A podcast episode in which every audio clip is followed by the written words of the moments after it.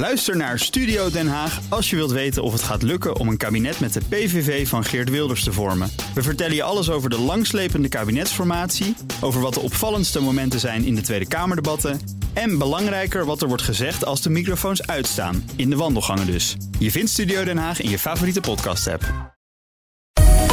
Boardroom Panel. PostNL ligt in België onder vuur vanwege de arbeidsomstandigheden... en de curator van Energieflex beschuldigt de ACM van gebrekkig toezicht. Dat en meer bespreek ik in het Boardroom Panel. En daarin zit Tanja Nagel, bestuursvoorzitter van DSI... commissaris bij onder andere EY Nederland, PNO Consultants en Uncode... en Harmjan de Kluiver, hoogleraar ondernemingsrecht... aan de Universiteit van Amsterdam... en onder andere voormalig advocaat bij De Brouw. Welkom, leden van dit panel. Fijn dat jullie er zijn. Goedemiddag. Tanja, laten we beginnen in eh, België. De Belgische arbeidsinspectie deed maandag een inval bij drie depots van PostNL in België. Er zou daar sprake zijn van misstanden bij de pakketbezorgers. Personeel zou zwart betaald worden en werken buiten roostertijden. En er zou een illegale immigrant aan het werk zijn in een van die depots. Het gaat om België. Voor PostNL een prioriteit. Ze willen daar flink groeien. Hoe kan het daar toch, als je de bevindingen van de arbeidsinspectie gelooft, uit de hand zijn gelopen? Ja, dat, dat is natuurlijk een goede vraag waar ik het antwoord ook niet precies op weet. Um, als je kijkt naar wat er wordt geschreven, dan moet je denk ik de conclusie trekken dat uh, PostNL misschien op afstand uh, onderaannemers heeft aangenomen. Um, en dan niet precies zicht heeft gehad op wat daar gebeurde. Je mag er toch van uitgaan dat ze niet op zo'n manier de markt in België willen veroveren.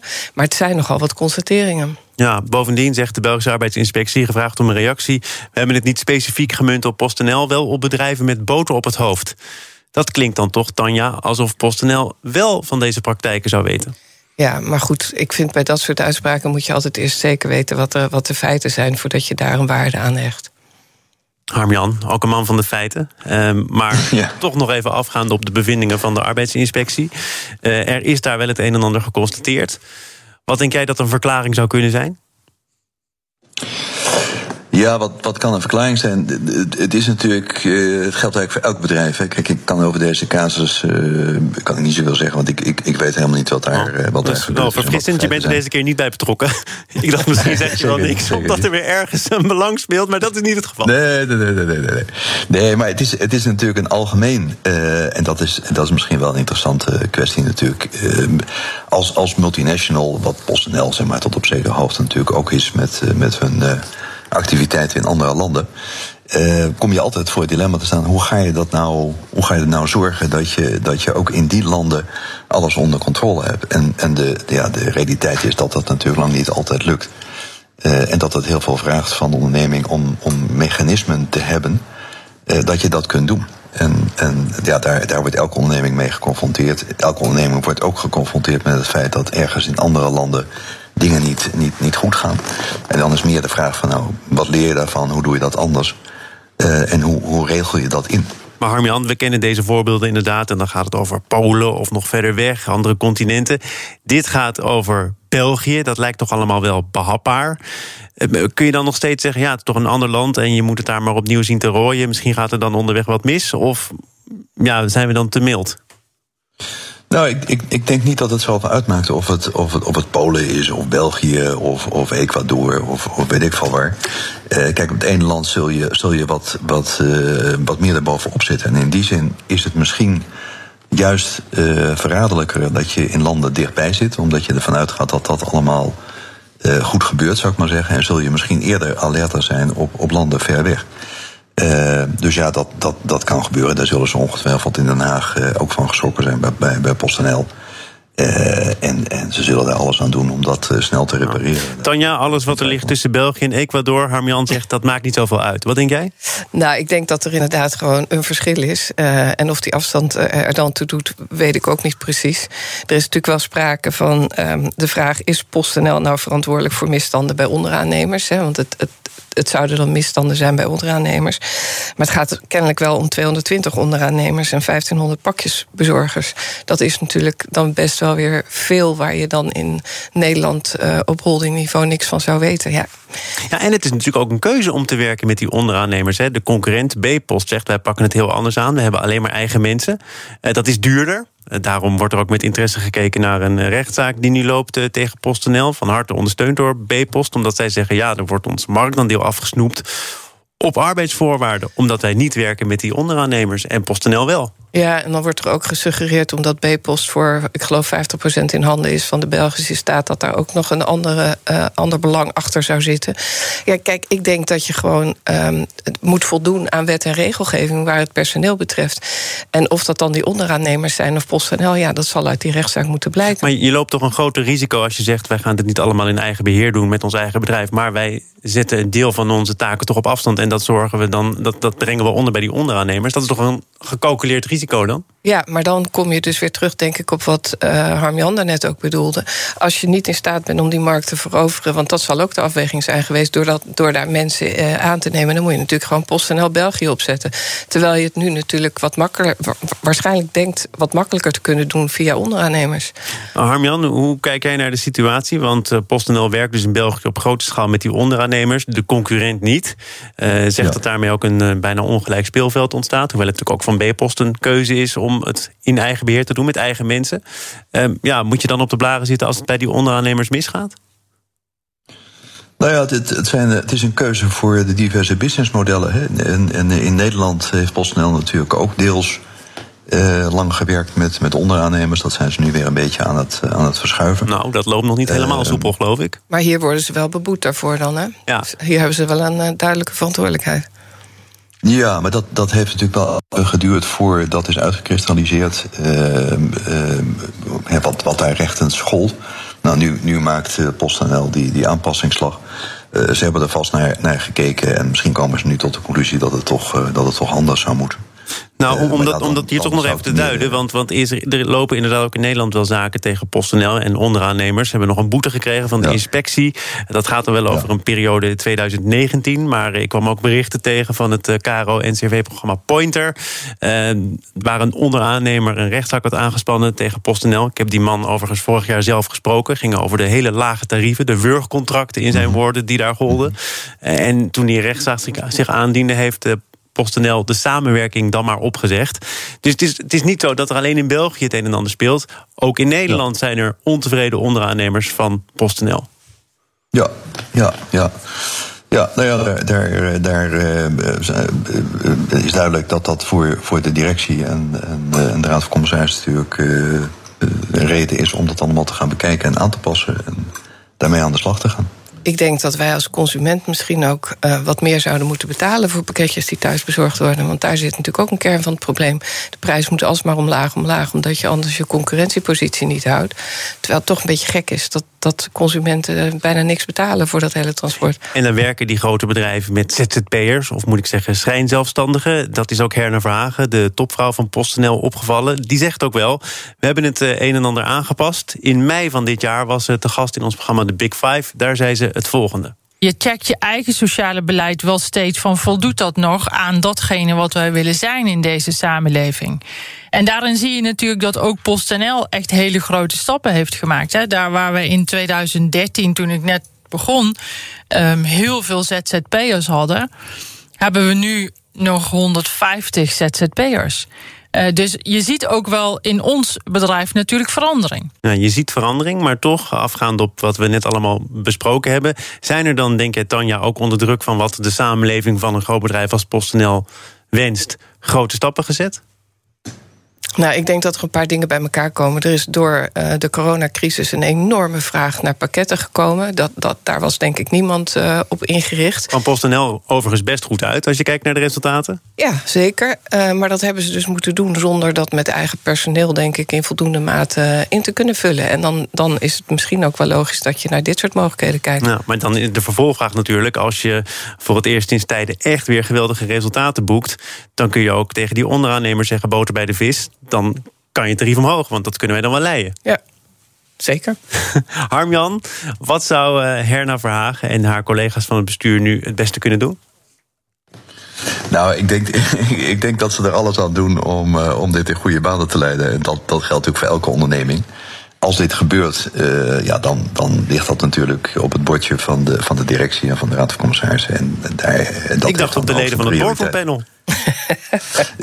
ja, ja, ja, ja. Nee, dat, dat, dat geluk hebben we dan dat dat niet zo is. Hm. We gaan naar een, een andere interessante kwestie. BNR Nieuwsradio. Zaken doen. Thomas van Zeil. En de gast in dat boardroompanel zijn Tanja Nagel, bestuursvoorzitter van DSI, commissaris bij onder andere EY Nederland, PNO Consultants en Uncode. En Harmjan de Kluiver, hoogleraar ondernemingsrecht aan de Universiteit van Amsterdam. En onder andere voormalig advocaat bij De Brouw. We gaan naar uh, het toezicht van de ACM. Dat zou uh, sinds 2018, toen het failliete Flex Energie uh, het leven liet, tekort zijn geschoten. Dat stelt de curator Willem-Jan van Andel in het onderzoeksrapport. De ACM had Flex Energie in zijn ogen nooit een vergunning moeten geven voor die energiemarkt. Grote woorden van een curator, dat zien we overigens de laatste tijd wel vaker gebeuren, Tanja. Maar deze keer natuurlijk ook op basis van een lijvig rapport, 180 pagina's. Het lag al dagen op je nachtkastje, van kaf tot kaft gelezen. Nou, ik heb, het wel, ik heb het wel gescand, ja. Ik, ik vond het namelijk uitermate ja, intellectueel boeiend. uh, uh, ook omdat er enorme uh, vergelijkingen met de financiële markten zijn te maken, waar ik iets meer verstand van heb. Um, waarbij een heleboel dingen al veel eerder aan banden is gelegd en misschien met veel meer toezicht en wetgeving. Um, maar als je kijkt naar inderdaad contracten waarbij kickbacks naar diverse partijen gingen op basis van veilingen, waarbij consumenten eigenlijk gewoon zijn misleid. Um, ja, dan is dat wel gek. Ik vind het ook. Uh, ik vond het heel lastig. Dat rapport was best goed te lezen. Maar om nou even heel helder te krijgen waar ACM nou eigenlijk precies um, aan mogelijkheden heeft. of waar die wettelijk um, toe gedwongen zijn, zeg maar. Dat ja. vond ik best lastig ja. om dat even bij elkaar want, te krijgen. Want de ACM krijgt hier uh, van die curator uh, behoorlijk wat kritiek te verwerken. Maar de ACM zegt zelf: ja, luister eens, wij stellen hier niet de voorwaarden op waaronder een leverancier zich mag melden. Er is besloten dat die markt wordt geliberaliseerd. En dan hebben wij het daar maar mee te doen. Ja, en de woordvoerder zei zelfs: ja, als we meer moeten doen, dan moeten we even naar het ministerie kijken, want dan hebben we meer bevoegdheden nodig. Maar als je kijkt naar, naar hoe het zou moeten zijn, althans wat ik van de site begreep, is dat ze wel uh, invloed willen hebben op uh, hoe de markt verloopt. Um, en als je dan een partij vergunning verleent.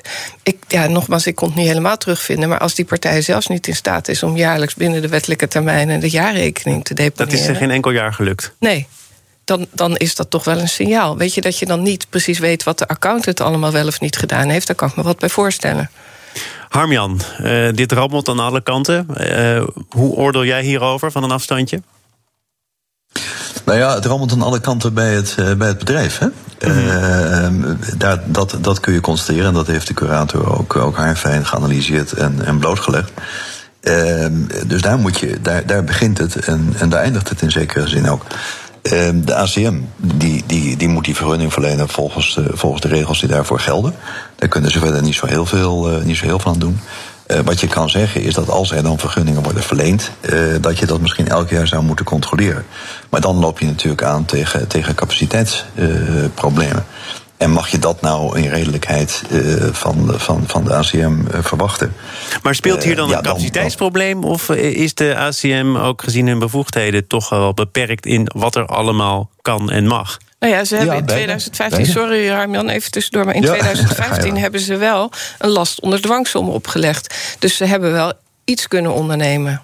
Ja, maar het, het ja. lijkt toch ook wel, als ik kijk naar de reacties die ik las van de ACM, een keuze te zijn om niet al te snel vergunningen in te trekken. Ze zeggen erover: het intrekken ja. van de vergunning heeft drastische, onomkeerbare gevolgen. Dus dat doen we liever niet. Terwijl de curator zegt, en daar valt ook het een en ander uh, over op te merken: het is juist goed om soms bij wijze van bescherming van de belastingbetaler of van klanten die vergunning wel in te trekken. Harmjan, heeft de ACM hier dan toch, uh, ja, misschien is het uh, achteraf makkelijk wonen, maar te lang gewacht? Nou, in, in, in dit geval uh, kan je dat natuurlijk zeggen. Als, als er een bedrijf failliet gaat, dan kun je constateren dat je te lang gewacht hebt. Het probleem is natuurlijk dat je, uh, ja, dat, je dat niet van tevoren weet. Hè? Uh, en het is altijd makkelijk om te zeggen. Ja, maar als een goed, je weet niet van tevoren, maar Tanja geeft hier terecht nee. aan. jaarrekeningen, accountants die niet precies wisten wat er nou wel of niet speelde. Dat zou toch ook voor de ACM ja. reden kunnen zijn om, ook al zijn er capaciteitsproblemen, wat strenger te oordelen over wat er speelt bij deze leverancier? Nou ja, wat, wat ze zien is natuurlijk dat die jaarrekening niet is. Daar hebben ze dan uh, die, die last onder dwangsommen ook, uh, ook, ook voor gegeven. Uh, ja, als je wil weten hoe het verder in die onderneming ervoor staat, dan, dan zou je meer onderzoek moeten doen. En dan loop je aan tegen, tegen inderdaad de capaciteit en de, en de bevoegdheden die de ACM heeft. Dus dat zijn keuzes die, die je maakt die samenhangen met, met de liberalisering. Ehm, ja, de vraag is: is dit nou een patroon of is het een, een, een, een uh, in, in letterlijke en figuurlijke zin een incident en een bedrijf? De curator zegt het is een uh, systeemfout. er is echt iets uh, structureel niet in orde. Maar zover ben jij nog niet. Ja, Bij de ACM, nou, dat, dat, ik kan dat niet beoordelen. Ik kan dat niet, ik, weet je, dan, dan moet je kijken hoe zit het dan met alle andere bedrijven. Als dit, als dit nou één bedrijf is wat omvalt en er is een vergunning verleend aan, aan 200 anderen. Uh, ja, dan zou ik zeggen, het is een incident. Als het, als het om vijf bedrijven gaat en drie zijn er inmiddels failliet, dan lijkt me het een systeemfout. Wat denk jij, Tanja? Nou ja, ze zijn natuurlijk allemaal niet met elkaar te vergelijken. Maar er zijn inmiddels wel andere kleine partijen. Inmiddels bij Eneco en een van de andere drie grote ondergebracht. Omdat de vergunning werd ingetrokken door de ACM. Ja, um, dus in die zin uh, denk ik toch. Ja, misschien dat ze daar dan uh, juist wel gedaan hebben wat de bedoeling was. En is dit de ene waar het misging en zou je het geen systeemfout uh, moeten noemen? Hè? Dat, is, dat is de andere kant van het verhaal. Ik vond de rol van de Consumentenbond overigens ook nog wel bijzonder. Ja, ja. licht er even toe.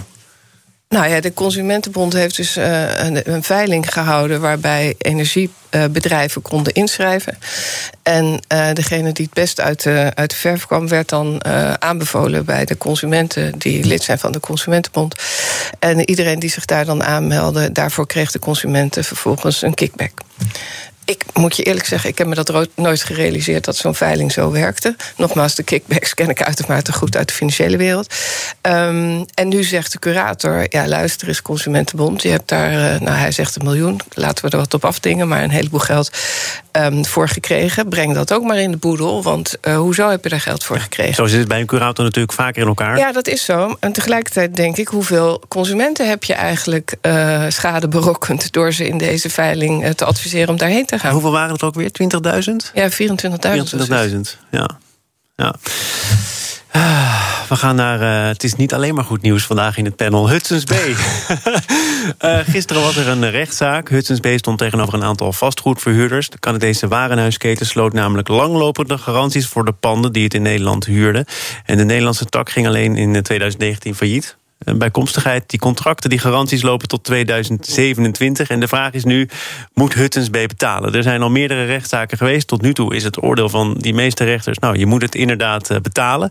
Uh, denk jij, Harmjan, jurist in dit gezelschap. Ben jij dat trouwens ook? Ja, natuurlijk. Ja, daarom dacht ik maar Harmjan nou, heeft er veel meer verstand nou, van. Dat valt nog te bezien. Komt Hudson's B op de een of andere manier... met een redelijk verhaal onder die betalingen uit? Nou, het is, het is een hele ingewikkelde casus, omdat het zich in, in verschillende landen uh, afspeelt. We hebben nog drie minuten, dus ik ken, het, ik ken het. Ik ken het. Ik ken het dossier wat ook niet. Dus dat, dat, ja, dat, dat zullen we zien. Uh, uh, lastiger is natuurlijk dat ze die garanties blijkbaar hebben bedongen. Uh, zonder daar zekerheden of zo voor, voor te krijgen. Want het is, het is een buitenlands bedrijf. En dat heeft mij wel een beetje verbaasd dat er die garanties zijn zonder dat je mechanismen hebt afgesproken of, of uitdrukkelijke zekerheden hebt bedongen om dat ook veilig te stellen. De, de verhuurders hebben hier eh, toch een soort uh, geitenpaadje opengehouden. Terwijl ik las over ja, onherroepelijke en onvoorwaardelijke concerngarantie. Maar zo onherroepelijk en onvoorwaardelijk is het kennelijk niet. Nou ja, die, die garantie die kan er wel zijn, maar dat wil natuurlijk niet zeggen dat je dat geld ook binnenhaalt. En zeker als dat een, een, een, een, een eh, club is die in het buitenland gevestigd is. Uh, is het wel een beetje raar dat je alleen afgaat op wat je in een contract hebt, afgesproken. Maar wacht even, nu, nu wreekt zich het feit dat ik geen jurist ben. Maar als je een garantie hebt afgesproken, dan zeg jij dat is nog geen garantie dat je het geld krijgt. Maar wat is die garantie dan wel waard? Nou, de, de, de, wat, wat die garantie is, is zeg maar de toezegging dat dat gebeurt. Maar dat wil niet zeggen dat je ook uh, bijvoorbeeld een, een, een bankgarantie hebt. Hè? Dan, dan heb je echt zekerheid. Als er dan iets misgaat, dan gaat die bank uh, dat bedrag uitkeren. Want die heeft dat gewoon afzonderlijk uh, gehouden, om maar eventjes uh, huistuin- en keuken uh, manier te zeggen. En dat is hier allemaal niet gebeurd. En dan had Hudson's Bay andere zekerheden aan die bank moeten verstrekken... op basis waarvan dan die bankgarantie was verstrekt aan uh, de verhuurders. Um, ja. En waar hier sprake van is, denk ik... kijk, als ze gewoon uh, verder in Nederland waren gebleven... was het natuurlijk veel makkelijker om die garanties wel uit te winnen.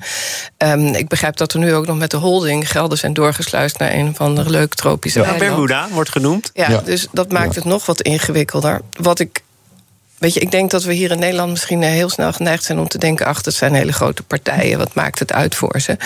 Um, maar dit zijn, als je het hebt over ASR, en dat, die hebben natuurlijk ook belangen. Um, dit zijn beleggingen geweest, waarbij uiteindelijk ook weer uh, partijen misschien wel een pensioen of iets anders voor moeten krijgen. Nou, en ze hebben ook flink geïnvesteerd om. Uh, nou, die dat panden... wou ik zeggen. Het is niet alleen het missen ja. van die huurpenningen, want dan zou je nog kunnen zeggen: nou, vindt een huurder, wat ook uh, nu in die coronatijd natuurlijk helemaal niet makkelijk is. Maar er is ook nog eens een keer enorm geïnvesteerd, ook door deze verhuurders in die panden. Dus daar zien ze ook niks van terug. Maar Tanja, tot slot, denk ja. jij dat uh, uiteindelijk Hudson's Bay, moeilijke vraag, maar gaat betalen en dat dit met name bedoeld is om de boel te traineren, te vertragen? Uh, dat zeggen ze wel, hè? Dat, ze, dat, we, dat ze helemaal geen haast hebben, omdat er nog genoeg geld in de holding zit. Dus voorlopig, uh, wat hem betreft, gebeurt er niks. Er is gelukkig het afgelopen half uurtje voldoende gebeurd. Onder andere te danken aan de leden van het panel. Tanja Nagel van DSI-commissaris bij EY Nederland... PNO Consultants en Uncode... en Harmjan de Kluiver, hoogleraar ondernemingsrecht... aan de Universiteit van Amsterdam. En daarnaast onder andere, want ik kan nog wel wat functies noemen... voormalig advocaat bij De Brouw. Dank voor jullie bijdrage aan dit panel. Zometeen dan gaat het over het inrichten van huizen... en huisbezichtigingen door middel van virtual reality. Ook Liesbeth Staats vind je in de BNR-app. Ja, heel handig. Luister live naar Kees en mij tijdens de Daily Move. Dan blijf je ook gelijk op de hoogte van breaking news en het laatste zakelijke nieuws. En daar vind je ook alle BNR-podcasts, waaronder de Perestrooikast. Download nu de gratis BNR-app en blijf scherp.